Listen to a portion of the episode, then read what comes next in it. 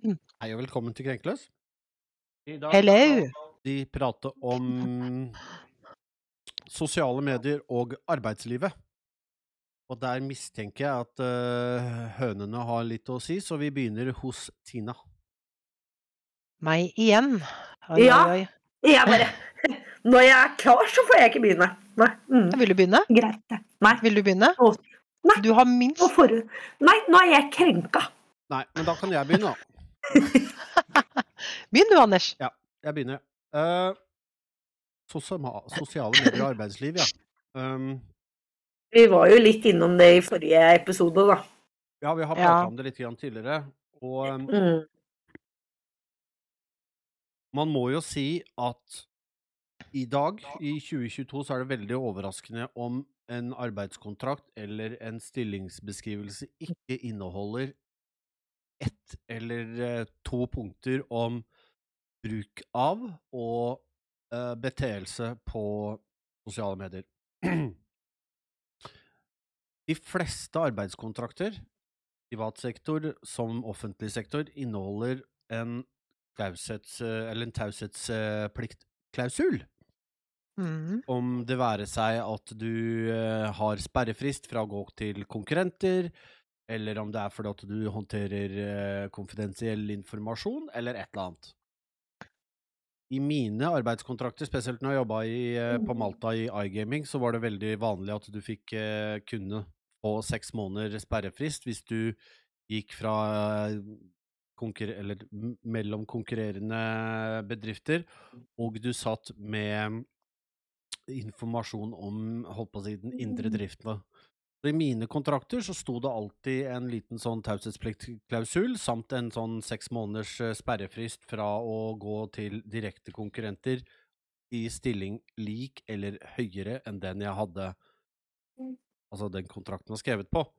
Uh, og når jeg tok over uh, som teamleader på Staples-jobben jeg har i dag, eller Advantage, det heter så flott nå, så står det Mhm. også en uh, taushetsplikt og en uh, sperrefristklausul i den kontrakten, og at uh, mitt utseende utad, altså i sosiale medier, er jobbens ansvar.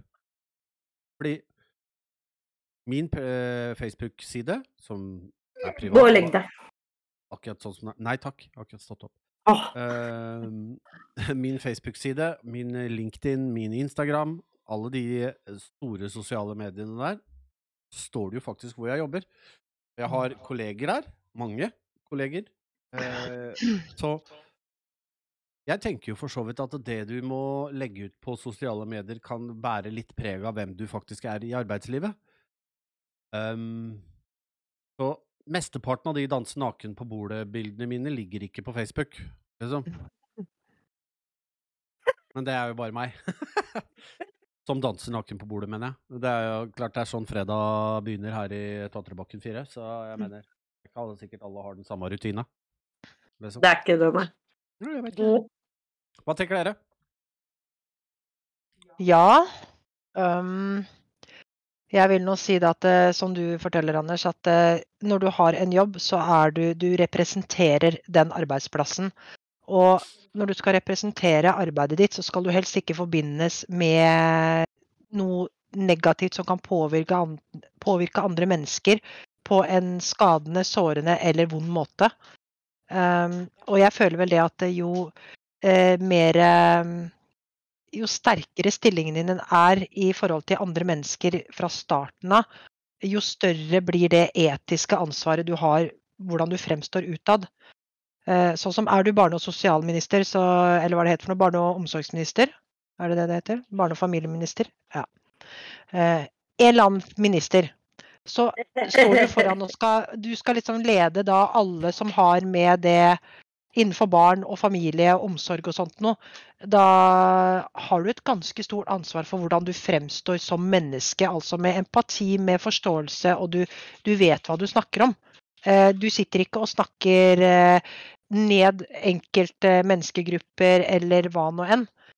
Og Eller sånn som Erna gjorde under pandemien. hva var det hun gjorde? Nå har vi, når hun var statsminister, liksom, og vi har disse restriksjonene, og ikke skal samles mer enn så og så mange, og så klarer hun å samle flere enn hva restriksjonene sier.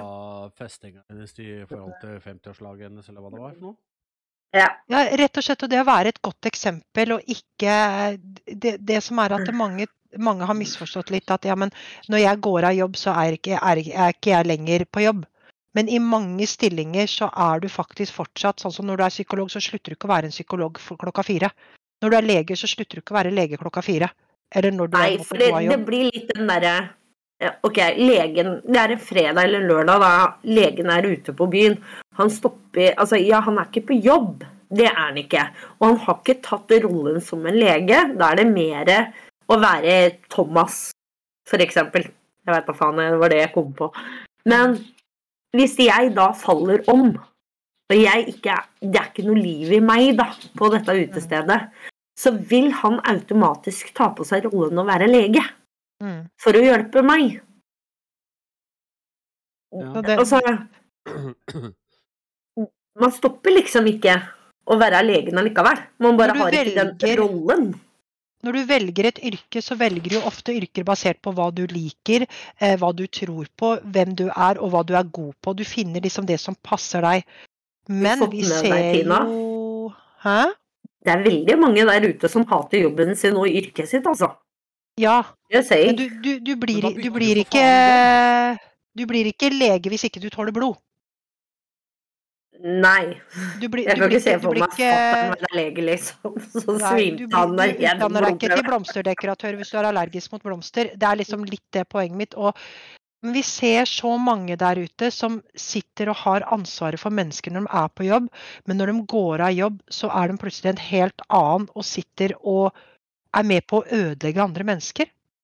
Og så sier de at det har ikke noe å si, for de er ikke på jobb. Altså, det er jo forskjell på de jeg, Altså, det er jo forskjell på etikken og verdiene man har, da.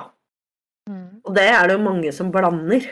Det er jo en av de tingene som vi gikk gjennom på skolen nå, er Noen ganger så krasjer det i jobbsammenhengen. Hvilken skole? I hvert fall eh, Nannestad. Hvis du absolutt vil vite det. Linje var Helsefagarbeider. Det er, Mm. litt, det er litt greit å få fram Fordi det er selvfølgelig store forskjeller i forhold til hva du har av yrke, hvilken påvirkningskraft du har på privaten osv., ikke sant? Altså Mhm. at uh, ja, nå, Bare sånn for faen så tok jeg opp Facebook-sida til Jonas Gahr Støre. Nei, men bare for moro skyld, han er statsoverhode i Norge. Ja. Den uh, Facebook-sida hans forklarer bare hva han gjør, og så er den full av nyhetsoppslag. Altså Ja. intervjuer han har gjort, eh, alle sånne type ting. Ikke 'jeg sitter i skogen og drikker te med kona mi mens unga løper'. Altså, det ikke, var ikke den type Facebook-side jeg fikk opp. Fordi noen, ja. noen har fortalt Jonas Gahr Støre at Facebooken din skal se sånn her ut. Han har en veldig klar rolle. Han har vært leder i Arbeiderpartiet en stund, og nå er han eh, statsminister i Norge, så det, det er for så vidt fine. Men det har jo litt å si hva slags påvirkning har du der ute. Er du et menneske som Sånn som for eksempel meg, da. Jeg har ingen påvirkningskraft på mennesker når jeg er på privaten. Nå kan det godt være fordi at jeg ikke sitter i Altså, jeg har ikke mennesker rundt meg som jobber med det samme som meg. Men hadde jeg sittet prata om jobben min til mine venner, så er det ingenting jeg sier i forhold til min jobb som påvirker dems valg om å velge min jobb eller ei. Annet enn at jeg kan, Nei, fortelle, men- jeg kan fortelle hva jeg gjør, og liksom sånn, og så kan de si at de liker eller ei. Men jeg kan ikke påvirke mennesker med min bakgrunn til å gjøre jeg holdt på å si ta valg. Men med en gang du sitter i en stilling hvor du har den makta, så er det selvfølgelig Da er du på jobb når du er på sosiale medier også. Og det er faktisk noe du bare må på en måte bare leve med. Du kan Ja, for det er litt med den derre Unnskyld at jeg avbryter, men det er faktisk sånn som du sier med Jon Jonas, Støre. Ja. Jeg husker ikke hva han het i fornavn. Men akkurat sånn som med det, at ja, han er jo ikke ferdig på jobb. Og mest sannsynlig så har han en Facebook. Som kanskje er litt mer avstengt, da. Men igjen, hvor seriøst kunne du ha tatt han? Hvis du hadde bare sett fyllebilder, f.eks. Han i et badekar. Du får et annet syn på han da. Han i et badekar med en annen gubbe, liksom. Boblebad. Drita full, kliss nakne. Hvilket bilde får du i huet da? Du, er nok, sånt er jo nok til å miste jobben. For at når du har stillinger som er litt høyere opp, og det er, det er jo ikke for at vi skal sette en sånn klasseskille på og du har en bra, bra jobb og du har en enda bedre jobb, men det er noe med ansvarsnivået og når du går inn på sosiale medier og du eh, gir til kjenne hva du jobber med Hvis du, ingen visste hva du jobba med, og du sitter anonymt og prater som en vanlig person uten at noen vet hva du jobber med, det er noe helt annet. Men når, du, når alle vet hvem du er, alle vet hva du jobber med, så går ansvaret mye høyere opp automatisk, og da veier det du sier mye tyngre. Pga. at du kanskje sitter i en posisjon hvor du har litt mer makt enn det f.eks. han som står og feier gata gjør. Ja. ja. Og dette er det veldig mange som har misforstått og sagt at nei, men det har ikke noe å si hva du gjør. Jo, det har det. Det er stor forskjell på meg og Jonas Gahr Støre. altså. Veldig stor forskjell på hvor mye Jeg påvirkning da og makt vi har. Jeg, jeg kommer på et par sånn Få høre. Jeg er nysgjerrig, jeg. Ja, Få høre, Anders. eh, Hva slags jobber syns du har de største makt- og påvirkningsposisjonene som absolutt ikke burde ytre seg på sosiale medier? Jeg syns jo at alle som har med mennesker å gjøre, som, altså, hvor, hvor din jobb er direkte involverte mennesker, uansett hva det er, Mm. eh, leger, sykepleiere, alle de typer tinga der, du må gjerne være på Facebook, og, og selvfølgelig skal du det, men da skal du også ha en lokka profil, sånn at de som finner deg, og de som er der, er dine. Familie, venner, kjærester, eh, den type ting. Ikke Ola Nordmann. Fordi, Mm. altså, tenk på din egen sikkerhet. da. La oss si da at du er en uh, lege og du jobber på akutten. Kommer inn en bilulykke, samt, og, og, og vedkommende er så uheldig at den stryker med, mens du er den som jobber på den. Så kan familien til vedkommende være ganske sinte, såre og vondbråtne i etterkant, og oppsøke deg på dine sosiale medier, og jeg mistenker at filteret kanskje muligens ikke er på. Eh, Ja, det er mest sannsynlig borte. Antageligvis så ligger det et eller annet annet sted. Så jeg føler jo at det er en plikt fra arbeidsgivers ståsted å eh, på en måte tvinge de ansatte til å ha en viss begrensning på sitt sosiale avtrykk. At du kan gå fint være på Facebook og alle de tingene der, men begrens hvem treffer deg. Ikke sant? Men hvis du går vekk fra Facebook, da, hvis du går over på andre sosiale medier, sånn som ja, Discord, Jodel, eh, Snapchat, TikTok, Instagram, sånne steder, og du sitter og bruker aktivt f.eks. kommentarfelt anonymt, men folk vet fortsatt hva du jobber med, og du sitter da og sier at nei, men det har ikke noe å si, for jeg er privatperson, for jeg er ikke på jobb. Da har du misforstått. Mm. Jeg, føl, jeg føler jo det at du ikke Da drar ikke du linjene Altså hvis du sitter, uansett hvor du er hen på sosiale medier, og du er anonym, og aldri tiltrekker deg uh, oppmerksomhet rundt hvem du er ellers, Mm. da er det ikke noe problem. Jonas Gahr Støre kan fint sitte på debattsidene til Dagbladet og mene akkurat hva faen han vil. Så lenge ingen veit hvem han er. Men med en Mm. gang han hvem veit at han er det er greit, nå er Jonas Gahr Støre et litt sånn teit eksempel, for han er statsminister, men ikke sant, med en gang du er en politiker, eller du er et eller annet menneske med makt og myndighet, og som sagt, du kan påvirke andre menneskers liv, så skal du ikke sitte der. Du skal Nei. holde deg for god til å sitte og gi meninger til mennesker for, som, som er avhengig av deg, som, som Altså Ja, du skal ikke sitte der ute og legge dine meninger fram fordi de er tungtveiende. Du jobber med noe som du har spesialisert deg i. Da har dine meninger tyngde. Og så har det litt med hvordan du bruker det. Hvis du sitter der for å gi eh, Hvis folk spør deg spørsmål og du, de lurer på ting i forhold til det profesjonelle, så kan du gjerne svare sånn som leger, psykologer og andre gir. Men når du misbruker eh, det at du sitter der, du sitter og eh, er med på å hetse andre, eller du snakker ned mennesker, og du samtidig sitter og bruker arbeidet ditt liksom Det blir en parallell der, og så sitter du samtidig og sier at det har ikke noe påvirkning, for at det har ikke noe å si hva du jobber med, men du sitter og bruker jobben din eh, for å hjelpe noen, og så sitter du og ikke er så ålreit mot andre. Da, da, klarer du ikke å skille mellom jobb og privatliv. Nei, og det er det som er litt av poenget her, da. Du må gjerne sitte som lege eller hva som helst ute på alle sosiale medier og se og, og, og hei, her er det en som sliter, og jeg veit løsningen. Mm. Men da skriver du til vedkommende privat. Da, mm. sier du, da skriver du en melding og sier du, 'Hei, veit du hva, dette kan jeg faktisk hjelpe deg med. Oppsøk meg her og der.' Eh, og så gjør det på den måten. Ikke være en ass og sitte der og, og legg føringer over på mennesker som er i en utsatt situasjon. For det er å utnytte en situasjon men det er ikke Jeg syns ikke de to tingene hører hjemme. Jeg syns du skal sette en klar uh, et klart skille mellom det du gjør som et profesjonelt menneske, som har en spesialutdannelse eller spesialkompetanse, uansett om det er fysisk eller psykisk, altså om det er noe du har lært deg med, å gjøre med hendene, eller om det er noe du har lært på skolen, må du sette en grense. Er det ikke litt sånn at når du, når du, blir lege, psykolog eller jobber med mennesker, at du egentlig skal sørge for at mennesket ikke kommer til skade på noen som helst måte? Ja, altså leger skriver jo en Tar jo hva heter den, hypokratiske ed, eller hva faen det heter for noe, som egentlig alltid sier at Ja, men er Hvorfor skal ikke dem få lov til å ha et privatliv også? Da må du være privat.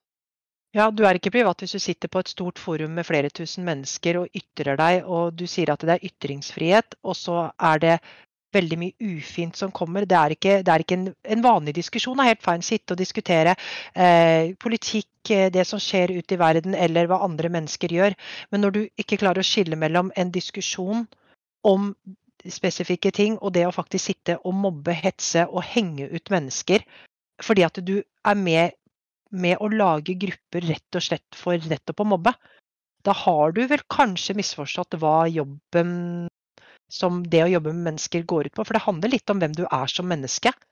Men erfaringsmessig så eh, ut ifra opplevelser å jobbe bl.a. på sykehjem og på hjemmetjenesten, så er det veldig mye prat over huet på pasientene, eller på brukerne, oh, ja. som man ja. har.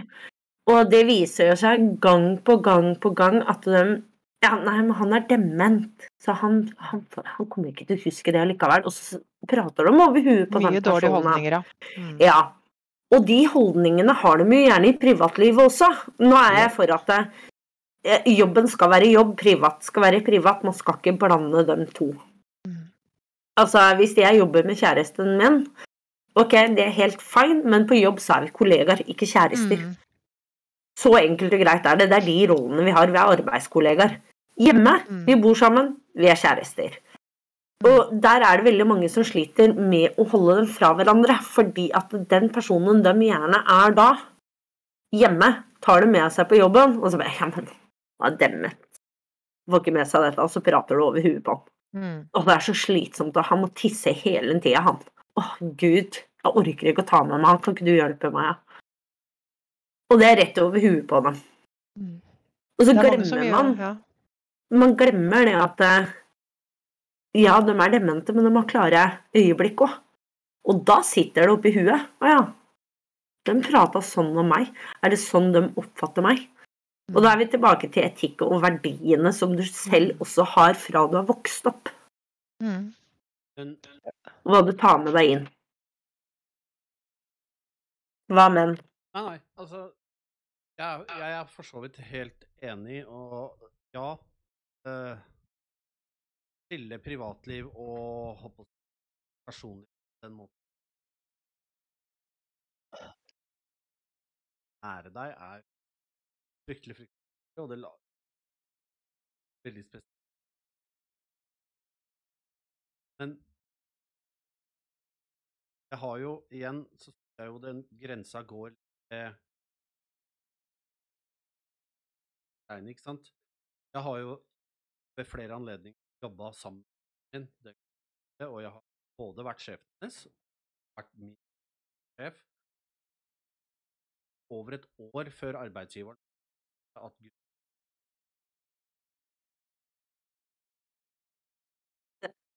mor og sønn. Mhm. Ja. Kalte aldri, jeg sa aldri mamma fra åtte til fire. Jeg alltid mamma Kari. Så sleit jeg med å kalle henne mamma når jeg var hjemme. Nå kalte jeg mutter'n, da. Eh, ikke mamma, jeg sa mutter'n. Men, men jeg kalte hun Kari fordi det var en rolle vi visste vi måtte ha. Mm. Så det var kun de som kjente oss fra før av, som visste at vi var i familie.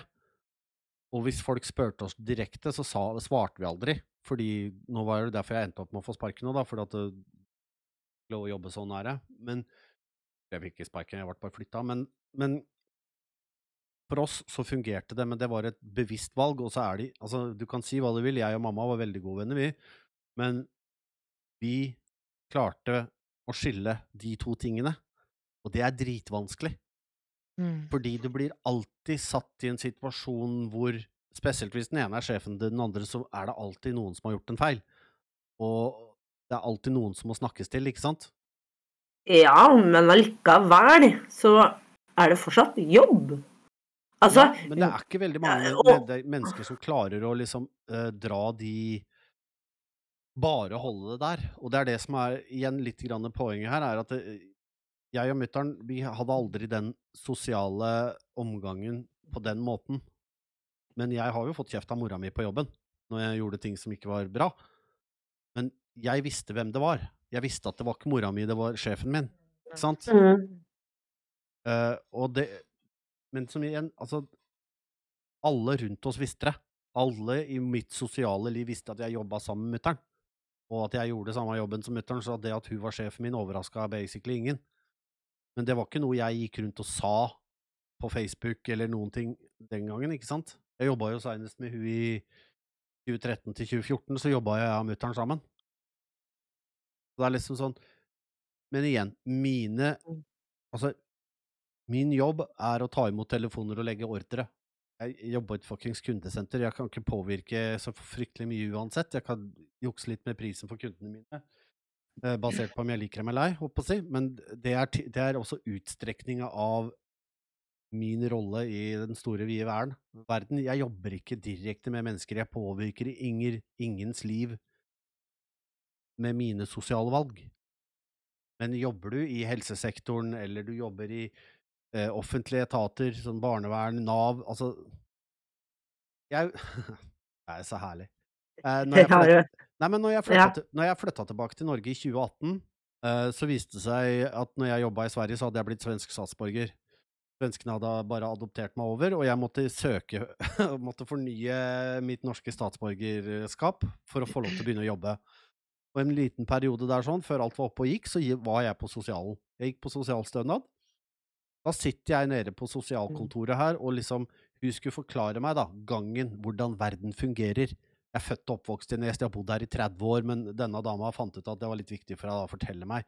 Og da sa hun det at jeg kan ikke Du var jo svensk, vet du. ja, ja, øh, få det inn med teskje. Men hun sa jo det at vi på Nav kan ikke gi deg kan ikke gi deg førerkortstønad hvis du bor i Skaubygda. Og for de som ikke kjenner Eh. det, så- så er det ytterkanten av kommunen jeg bor i, og det er Det heter Skogbygda, og det er bare skau. Nei, det heter Skaubygda. Nei, det Det skrives Skogbygda, heter Skaubygda. Det er ikke noe å diskutere. Er du Nesbu, så er du Nesbu. Men poenget mitt er at hun sier at Nav lokalt kan ikke gi stønad til noen som bor i Skaubygda, fordi det er et valg de har tatt. Og det er hennes mening om folk som da bor i Skaubygda, som har havnet i en situasjon hvor de trenger Nav.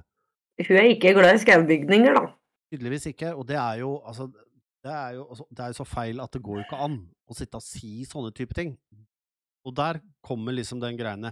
Hennes sosiale omgangskrets Hun har sikkert hatt en dårlig opplevelse med noen fra Skaubygda, hvem har ikke det? Men Jeg? Hun sitter direkte og påvirker menneskers liv og tar et valg basert på sine sosiale opplevelser, sin Mm. Heldigvis meg, jeg bodde midt i Vormsen og jeg hadde førerkortet, så det var ikke et problem for meg. Jeg er ikke helt sikker på hvorfor jeg tok det opp heller, for å være ærlig, men uh, samme det. Hun gjorde det nå en gang. Så det er liksom sånn Hvem du er når du jobber, påvirker hvem du er når du er sosial. Det må du ta hensyn til, for det skal ikke de andre menneskene rundt deg bry seg en dritt om, og de skal faen ikke vite det engang. Det er liksom Det er bare sånn dem Det må de forholde seg til, for det er det de gjør. Syns Det er det. Jeg er enig der. Du kan ikke ta dine personlige meninger i en jobb. Uansett. Nei, jeg syns ikke det. Det hører ingen sted hjemme. Det er, noe, det er noe med å være litt grann profesjonell, fordi at eh, du, du våkner opp om morgenen, og så er det ikke sånn at du tenker at i dag skal jeg gjøre livet surt for noen andre. Så derfor går jeg, velger jeg også at når jeg er ferdig på jobb, så skal jeg gå et annet sted. Og så skal jeg sitte og diskutere på forumer eller på VG kommentarfelt eller hva nå enn. Det er fine. Du, du er et menneske. Du, du har ytringsfrihet, men med ytringsfrihet så kommer ansvar. Og når du er i i arbeid eller har valgt et yrke hvor du jobber med sårbare mennesker eller mennesker generelt, altså alt fra brannmann til hva nå enn, så er det fordi du har lyst til å hjelpe mennesker, stort sett. Ikke alle. Det er noen som, som du sier, Laila, som misliker jobben sin, som tar en jobb bare for å tjene penger. Men når du har valgt å gå en lang utdannelse som omhandler mye lesing, mye prøving og mye arbeid, arbeidstrening, så er det fordi du har lyst til å hjelpe mennesker. Hvordan kan du da skru av det klokka fire, og så gå for å snakke dritt om mennesker som du ikke tåler trynet på, og samtidig som du sitter og bruker jobben din inni der? Da, da, da kan du ikke be andre om å skille jobb og privatliv samtidig heller. Nei. Det, det blir et ganske etisk spørsmål, dette her. For det er liksom vil, Ville du ha gått til en lege som du visste satt og snakka åpenlyst om eh, mennesker som Ned om mennesker som f.eks. hadde psykiske lidelser, og så skulle du gått til den legen og få hjelp for PTSD-en din etterpå? Nei. Jeg ville ikke ha gjort det. Men det blir akkurat det samme som eh, når du Du må huske på det at det, når det er helsefagarbeider, sykepleier og enkelte leger òg Nå er det jo legekontorer, da, men hvis du tar sykepleiere da, som er i hjemmebasert eller på sykehjem der, altså, der jobber du faktisk i hjemmet til folk, men det er fortsatt din arbeidsplass. Yes. Da er det sånn altså, Hvis jeg har en kjempegod dag, bare stått opp og bare wow, Jeg er så klar for denne dagen, og sola skinner, og alt er bare helt fantastisk hos meg, så må jeg fortsatt huske det at selv om jeg er på min arbeidsplass, så er det hjemmet til noen andre, så jeg må banke på, jeg må gå pent inn, og så må jeg se an hvilket humør den brukeren er i. Mm. Jeg kan ikke komme inn der og er solskinn, og så er den brukeren så deprimert så halvparten kunne være nok, og har den drittdagen. Og da er det min jobb å gå inn der, møte brukeren der brukeren er, og heller prøve å få han med meg dit jeg var. Men ville du da gått annet og prata om hvor eh, ufine sånne mennesker som du jobber med hver dag, hadde vært da? Nei, for det er jo det Nei, for det er jobben min. Jeg har, valgt, Ja. jeg har valgt å drive med mennesker fordi at jeg koser meg med det. Fordi du har respekt for mennesker generelt. Grunnen for at jeg slutta, var for den hetsinga og den disrespekten de hadde overfor disse brukerne. Og det synet de har, som jeg, jeg klødde meg i huet så mange ganger og bare lurte på hva gjør dere her? Mm. Hva er det dere egentlig vil? Jeg Jeg har- på sykehjemmet. Jeg har en venninne som er vernepleier, og hun, hun driver med ordentlig utagering. Altså, hun kan ligge i nedlegging i flere timer. Det er ikke snakk om nedlegging i et kvarter. Hun ligger på brukere som er to meter høye, og så kommer denne lille terpen av en lita jente og legger dem ned i bakken. Og hun har ligget nedlegginger i tre timer, fire timer, fordi de har vært umulige. Men hun har kanskje det én til to ganger i året som er ordentlig heavy. Mm. Og mesteparten av gangene er av at andre ikke klarer å møte de brukerne. Hun kommer når de ser henne, de smiler fra øre til øre. Fordi de elsker hvordan hun jobber med dem. For hun tar dem som mennesker, og hun skal faen meg ha det. Hun er dyktig i jobben sin, altså. Det er sånne mennesker vi må ha inn andre steder. Elsk det du driver med, eller forsvinn. For det Altså Men, hvor, men, men, ja, men det som er greia, er jo det at eh, hvis du, hvis du er elska på jobben din, du gjør en kjempebra jobb, og du respekterer mennesker og tar vare på mennesker, hvorfor klarer du ikke å gjøre det samme når du ikke er på jobb? Hvorfor går du da og velger å være det. en douche utenom? Det er det. Fordi at det gjenspeiler seg gjerne. Sånn som hun. Eh, hun var i en situasjon på fest der de kalte Hva var det? Eh, dems, for hun hadde fått eh, dag, nei, sykepenger. For hun hadde vært sykemeldt pga. Um, halebeinet sitt. For det er knekt. Så hun hadde vært sykemeldt, og da var, eh, hadde denne personen hun nettopp hadde møtt, hadde jo da bare Nei, vet du hva. Alle, absolutt alle som fikk sykepenger og sånt, de gadd ikke å jobbe. Mm. Og så er det sånn Ja, men jeg kan ikke jobbe. Hun driver med nedlegginger og utageringer. Og hun setter seg sjøl i fare hver gang hun er på jobb, fordi at du Mm. veit aldri hvordan mennesker reagerer, eller hvilken dag de har. Så med et knekt halebein det er greit å være sjukmeldt. Mm. Og da hadde hun klaga på dette, og så hadde hun sagt det at alle dem var mongoer som sjukmeldte seg. Og da, da gikk det en en liten jævel i henne. Fordi du kaller ikke folk for mongo i det hele tatt, for det har blitt brukt for et skjellsord hos henne. Men hun står opp for sin jobb, og hun har de verdiene og etikkene hun har på jobb. Det har hun i privatlivet. Mm. Så hun står opp for absolutt alle. Og da tok hun ikke bare seg sjøl, hun tok alle som blir sjukmeldt av en grunn. Og tok den kampen på vegne av folk hun kjente og ikke kjente. Men det Og vil jo den si at med i jobb òg. hennes prinsipper og hennes holdninger gjenspeiler seg både på jobb og privatliv. Men alle, det som er problemet, er jo alle de menneskene som ikke gjør det.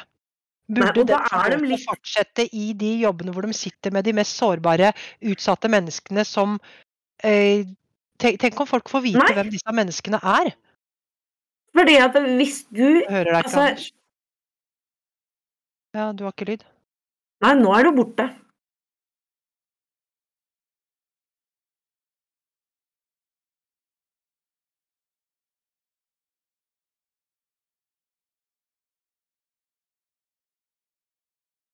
Det var ikke Så interessant kjent. Det var ikke helt ennå. Men jeg, jeg tipper at en del av de som hører på denne, denne episoden her, skjønner hvor jeg vil hen, og skjønner at dette her er litt sånn personlig for meg også, fordi at både du og jeg, Laila, eh, Mm. har jo hatt en del med f.eks. leger, psykologer, eller i hvert fall jeg da med psykologer, med Ja. barnevern, og med mennesker som generelt jobber med mennesker. Og jeg har sett personlig vi har sittet og overhørt folk som jobber i barnevernet, sitte ute og ha møter på offentlige plasser og sitter og snakker ned foreldre som Og, har barn altså, i barnevernet. Det òg at For det er jo sånn som jeg satt i bil en gang. Det husker jeg så godt. Og der kom hele navnet og litt til på person. I en liten bygd. Og det, dette var kanskje Jeg tror det var lunsj de egentlig skulle. For det var lunsjtider. Men der skulle jeg inn på et barnevernsmøte og var tidlig ute. Satt på sommerdag, satt med vinduet oppe og hørte hele samtalen deres. Og da blir jeg litt sånn Ja, det er greit. Jeg kan også tenke at å, fy faen, i dag så var hele dagen eh, i hjemmetjenesten dritt. Jeg syns alle brukerne var slitsomme, men hvorfor syntes jeg det? Var det noe med at jeg sto opp? Var det det at jeg ikke var klar for å jobbe? Er jeg i dårlig form? Altså, hva er det for noe? Det er litt å gå inn i seg sjøl at ok, brukerne har jo vært den samme uansett. Jeg har valgt det yrket. Jeg har gått dit. Jeg jobber med det, liksom. Hvorfor En annen stor ting som bekymrer meg, er det at eh, sånn som vi som driver og blogger og gjør sånne ting, så vi er jo blitt utsatt på sosiale medier eh, for hetsing og sånne ting. Det er det at folk som sitter i sånne høyere stilling, ofte har tilgang på sensitiv informasjon som ikke vanlige nordmannen i gata har.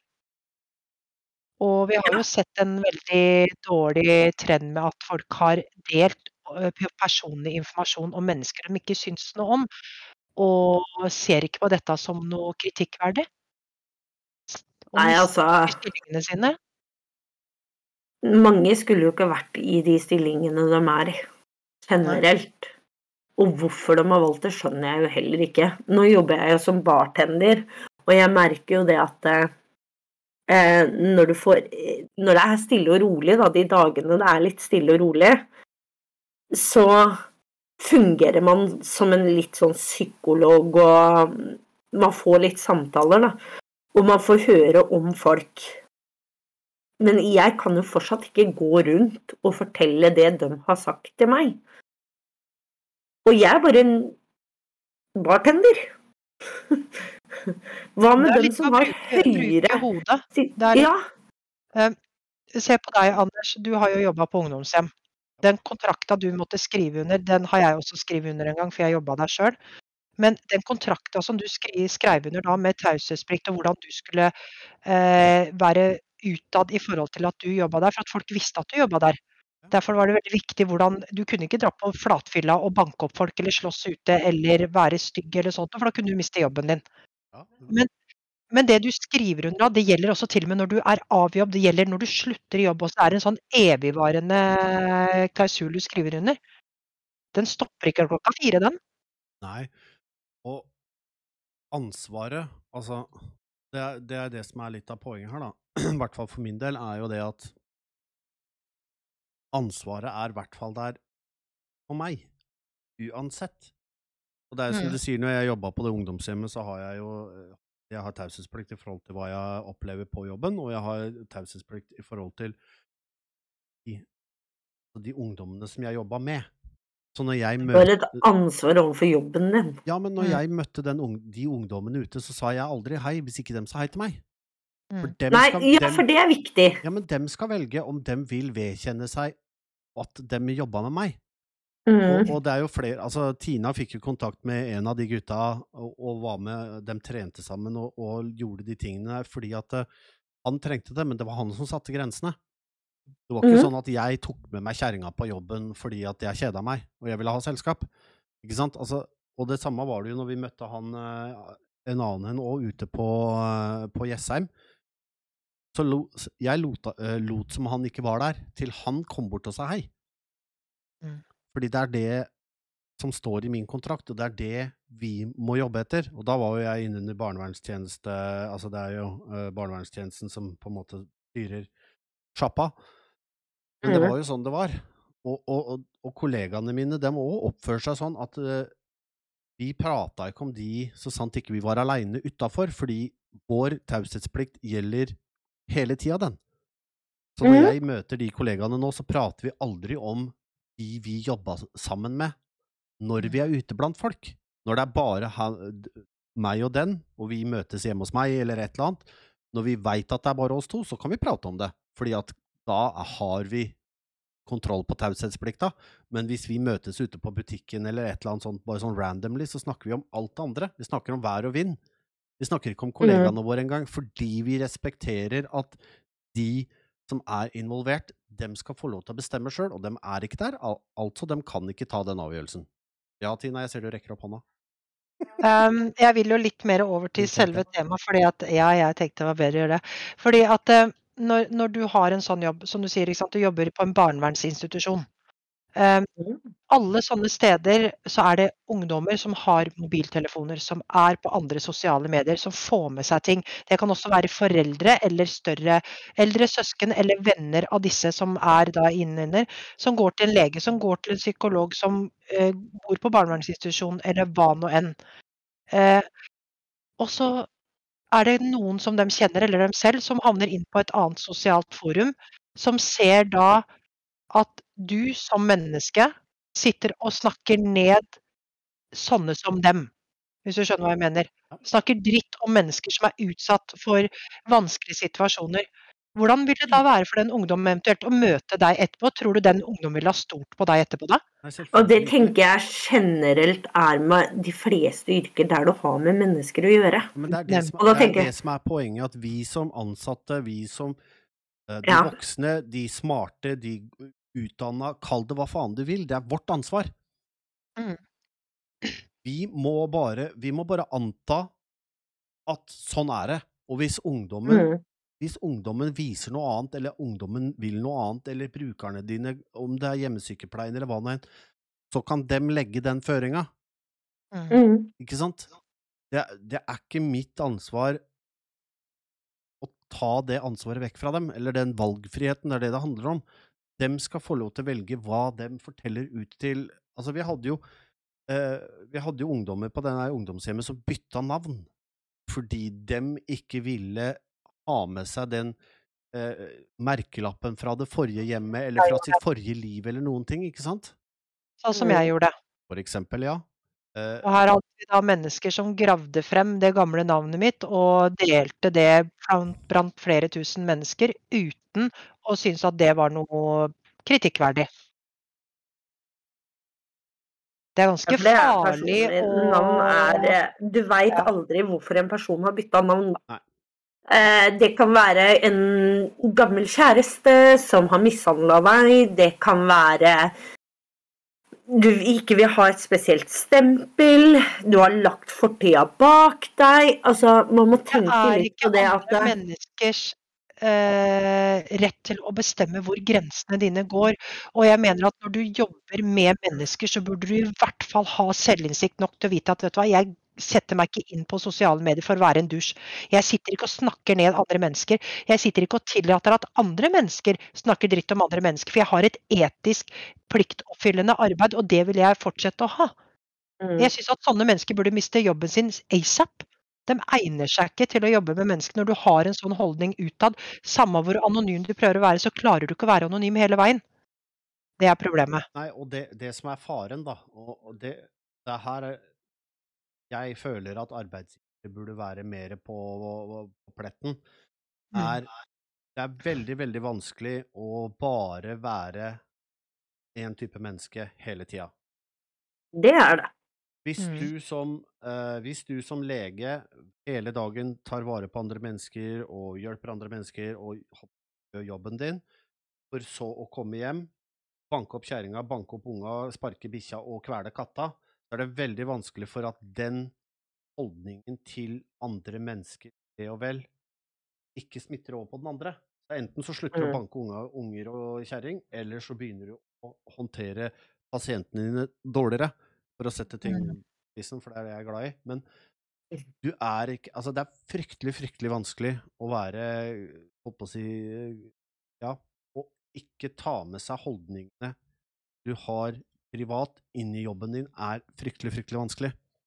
Hvis Mm. ikke du har øh, Hvis ikke jobben din er så spesifikk annerledes Jeg har ingenting jeg i hverdagen som minner meg om jobben min. Mm. Ingen, altså, det er ikke helt sant, jeg har kontorrekvisita all over, men hadde jeg skulle Jeg veit ikke hva jeg skulle ha Hvordan jeg skulle gjort noe med det. Men jeg har, jeg har ingen i min umiddelbare nærhet som er kolleger av meg. Jeg har ingen å prate jobb med i min umiddelbare nærhet, annet enn Tina, i forhold til sykdommen min. Så min jobb er veldig enkel. Laptopen til jobben ligger bak den green screen som står bak meg, inni ei hylle under to kilo med sjokolade og snop. Den er godt bortgjemt, så når jeg er hjemme, så er ikke jobben et tema. Men når du jobber med så Hvis du jobber i et menneskebasert Altså en menneskebasert situasjon, da. Jeg har en kompis som er overlege, utdanna overlege, og han er lege. Det tar akkurat to og et halvt sekund etter at vi har begynt å prate, så begynner han å prate jobb. Om legeting. Han prater aldri om pasienter eller den type ting, selvfølgelig, men han prater om ting som han er opptatt av. Han prater om sykdommer, Yes. hvordan kroppen er, bygd opp, hvor i fascinerende den er. Ja, han prater om sin jobb i form av det han opplever, ikke pasientene sine, men som du sier, Nei. nye sykdommer, nye medisiner, alle sånne type ting som kan ha noe med meg å gjøre eller ikke. Men det er fordi at det er sånn han er. Han går, han går ikke inn på et annet sos eller et sosialt forum og forteller hvor fælt folk lukta i underlivet denne dagen, liksom. Det, det, for å sette det helt på spissen. nei, jeg eller, ser, veldig, jenter, ja. jeg ser ikke akkurat for meg at han gjør det. Nei, men det, er, det handler om at du kan godt Nei, prate om hva du har opplevd og sånn, men uh, det ser fins grenser. Der ser du. Der ser du. Jeg må bare få det ut. Der ser du det igjen. Det er et enda et eksempel på en person som både har det på jobb, det speiler seg i privaten, og privaten på jobb. Så hvis du klarer i privaten, og det mener jeg dypt ifra mitt hjerte, hvis du klarer på privaten å være asshole, å bryte eh, Altså, du syns det er gøy at eh, Vet du hva? Eh, Down-syndromet den kan vi kalle mongoloide. Det er ikke noe galt i det. Det har aldri blitt brukt som skjellsord. Og så jobber du med psykisk utviklingshemma sjøl, for eksempel. Som en er vernepleier eller. Ja, da er det noe som Altså, ikke stemmer. Det er akkurat det. Fordi den holdningen du har der, den bruker du garantert der òg. Du bare er litt mer skuespiller, da, kan man si. Hvorfor jobber du med det yrket, da? Kan du ikke bare la være? Hvorfor finner du deg ikke et annet yrke? Hva har du i det yrket å gjøre? Mm. Det stiller ganske store spørsmålstegn til hva, hva er det som egentlig foregår med det mennesket som gjør at menneske, menneskene har behov for å snakke stygt om andre mennesker og være en del av et negativt samfunn, når de egentlig skal hjelpe mennesker på alle andre områder. For jeg får det bare ikke til å stemme. Det er som jeg sier, det er en kobling som er borte. Ja, Det er det. Jeg syns, jeg syns det er skremmende hvor lett det er å bare kunne liksom skru av, stempelet ut, og så bare blir det, går det fra Jekyll til Hyde, eller? Ja, altså Hvis de, klar, hvis de klarer det, Hei, er det Laila? Ja. Udos til bra. Det er Kjersti fra Nabodal. Laila, vi er på opptak. Hei. Kan jeg ringe deg opp om to sekunder? Nei, Jeg kan, jeg kan ringe opp deg. Du Takk. Nei, det har jeg ikke. Ja, jeg skal ringe om litt, jeg. Greit, det. Takk. Heldigvis så Sånn, da har vi fått med oss det òg! Ja, der hører dere. Nav og Jeg Laila måtte er Ta den telefonen. Ja. Beklager. Ja, så hyggelig. Ja, da, Nei, men, Det er noen som ikke er flaue fordi at de er på Nav, skjønner du. ja. Jævla naver, ass. La meg være naver. Men det er Ja. ikke tema nå. Nei. Åh, nei, vet du, jeg, jeg må si at jeg syns det er skremmende, som jeg sa, den, den utviklinga hvor lett det er for mennesker å bare kunne, kunne lire ut av seg hva som helst så, tror, så fort de tror at de er anonyme, og at de ikke de trenger å stå til ansvar. Men det som er at det vil alltid være i Når det er mange mennesker involvert på én plass, så vil det alltid være minst én som stiller spørsmålstegn ved din jobb, dine holdninger og måten du opptrer på, og begynner å nøste i dette her og finner ut hvem du er. Det som Nå kom jeg på noe. For der, der sa du noe. Sånn som hun, da. Hun har jeg godt samarbeid med på Nav. Eh, og hun hjelper meg med mine utfordringer og mine ting. Derfor måtte jeg ta den telefonen. Det er litt uprofesjonelt, men samme av det. Eh, hvis hun Hvis jeg hadde sett henne da, på flatfylla, eh, når jeg er på jobb som bartender, og hun gjør dumme ting, så hadde det ikke vært noe problem å ha den åpne dialogen som vi har, da. For jeg hadde fortsatt gått til henne, for jeg er jo på jobb, og man gjør dumme ting i fylla, og ja. Og hun er ikke på jobb da, men hadde jeg vært på jobb, og så hører jeg henne begynne å prate, da, eksempel om min sak, og så begynner jeg kanskje sin å si. Eller noen andre sin sak, for den sakens skyld, da. I negativ forstand, ja. I negativ forstand, så hadde jeg slitt etterpå med henne. Mm. Og faktisk. Ja, kunne sitte og prate med henne. Selv om jeg er på jobb og jeg har taushetsplikt sånn sett. Som en bartender så har man litt taushetsplikt, men det er litt sånn Ja. Du blir prega av det du opplever. Ja. Det, det, det- er litt den hvordan Ja, altså Ja, ikke bare du, men alle rundt for nå stopper det litt. Ja. Men, Men ikke, ja. ikke bare du også, Laila, men alle rundt som, som blir prata til eller blir fortalt disse tingene til, blir prega av holdningene til et menneske som sitter så høyt oppe i systemet. Det er det mange ikke tenker på. Fordi at det, hun sitter jo da med ganske mye informasjon om sine eh, kunder, pasienter, bruker Jeg veit ikke hvilket ord jeg skal bruke, jeg, med akkurat det, men uansett ja, altså Hun driver med kundebehandling, det er jo det hun driver med. Hun hjelper jo mennesker også, og da blir det sånn at det, det blir veldig vanskelig da, å forholde seg til et sånt menneske da når du blir prata negativt om, eller hører at han prater negativt om andre. Hadde hun prata om at å, vet du hva, jeg skulle ønske jeg kunne ha hjulpet denne personen mer, men jeg får ikke gjort mer enn det jeg har gjort, så hadde jeg sittet og tenkt å fy faen, jeg er glad jeg har henne, jeg. Nemlig positivt. Men hvis Vil, hun hadde vil gjerne sittet og snakka dritt om navere, så er det litt vanskelig å se at ikke hun også ser på deg på samme måten. Nettopp! Mm. Og det er derfor det er så det som- viktig at du, uansett At du viser klart og tydelig på ditt sosiale mm, nettverk hvem du er. Mm. Er du en ansvarsfull person på både jobb og fritid, så vis det gjerne. Er du en skikkelig assfuck, hold hjemme, så blokker kontoen din og oppfør deg som folk. Fordi det du sier, Mm. det du viser, vil selvfølgelig påvirke alle mennesker som møter deg med førsteinntrykket ditt. Og når du søker jobb, så går arbeidsgivere inn på dine sosiale medier og ser hva det er Det gjør legger ut. Hvis du reklamerer for at du er en stille og rolig person, og du står naken og danser på bordet i, eh, pub, på puben på Malta, så tror de ikke på deg. Nei, Du får ikke den jobben. Ferdig i. Butikk. Mm. Jeg har ansatt et førtitalls mennesker siden jeg begynte som teamleader i Staples, og jeg sjekker alltid face, eh, Facebooken deres. Instagrammen deres, LinkedIn deres. Jeg googler dem. Det gjør alle arbeidsgivere. Gjør litt sosiale medier-research. det var, jo, det var jo det jeg gjorde når jeg starta opp Usnakka den gangen. Så fulgte jeg med på de som logga for meg, for å se hvordan de håndterte sin private Snapchat. Fordi at det var mye unge følgere, mye mennesker som var i vanskelige situasjoner, som var lett påvirkelige. Og da hadde jeg et ansvar overfor hva som blei delt videre. Du Og tok det holdningene du ansvaret. Ja, og da, da måtte jeg for noen ganger si at beklager, men du passer ikke inn på min snap. Ja, men det hadde ikke noe å si, for det var dems private. Så jeg, men mine følgere går over på din snap, og det vil si at da sprer det seg.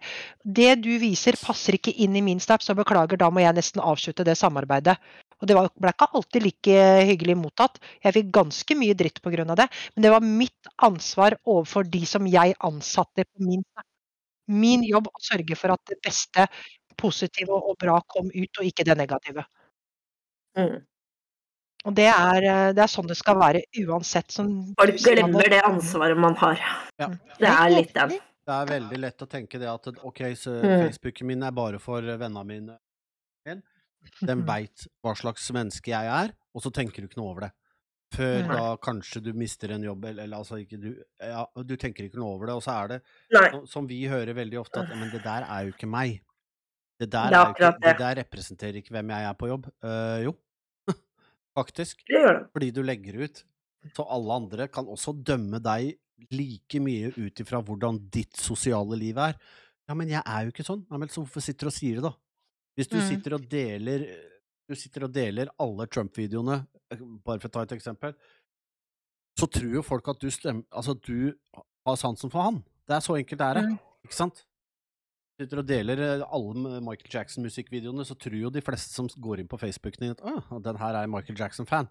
Hvis du sier bare nei, nei, veit ikke hva du snakker om. Kanskje. Så tenk litt over det sosiale medieinntrykket du gir til mennesker rundt deg, og det gjelder alt. Gå gjerne inn på sosiale forumer anonymt og men ting om noe du kanskje ikke tør i virkeligheten. Men da kan du ikke ta med deg hvem du er i virkeligheten heller, inn der. Altså, så oppfør deg! Ja, hvorfor ikke? Prøv det. Ja. Prøv å bare Slutt oppføre deg som folk. Folkeskikk og ja. Må Ja, bare ha litt folkeskikk. Og så er det litt med det at du trenger ikke sitte og le av det stygge andre skriver og si at ja, men jeg har ikke sagt noe. Du faen meg like ille. Og det er så Ja. viktig å tenke på hvordan man tar det, da. Sånn som jeg gir jo egentlig blanke faen. Jeg kommer sikkert til å få litt hets igjen. Men samme av det, tenker jeg. For, det, eh, for meg så spiller det ikke noen rolle hvordan folk oppfører seg eller ter seg når det gjelder imot meg. Fordi jeg bryr meg ikke. Men andre kan være sårbare. Sånn som nå, så ringer hun dama meg ned, så jeg må snart avslutte. Ja, vi skal snart avslutte. Men eh, jeg syns dette her er litt viktig at folk tar med seg at hvis du, hvis du ser noen som du vet jobber i ja, eller har arbeidsplasser hvor det er faktisk ganske etiske høye krav, så er det faktisk lov til å melde ifra. Ja, det er det. Si noe. Det er lov til å stå opp for andre mennesker. Det er alltid noen som ikke klarer å si ifra, eller klarer å ta den kampen.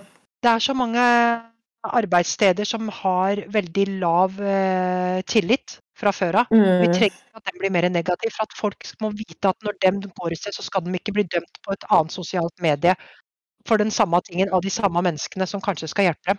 Helt riktig. Det er akkurat det. Jobber du med mennesker, så bør du ta litt mer ansvar.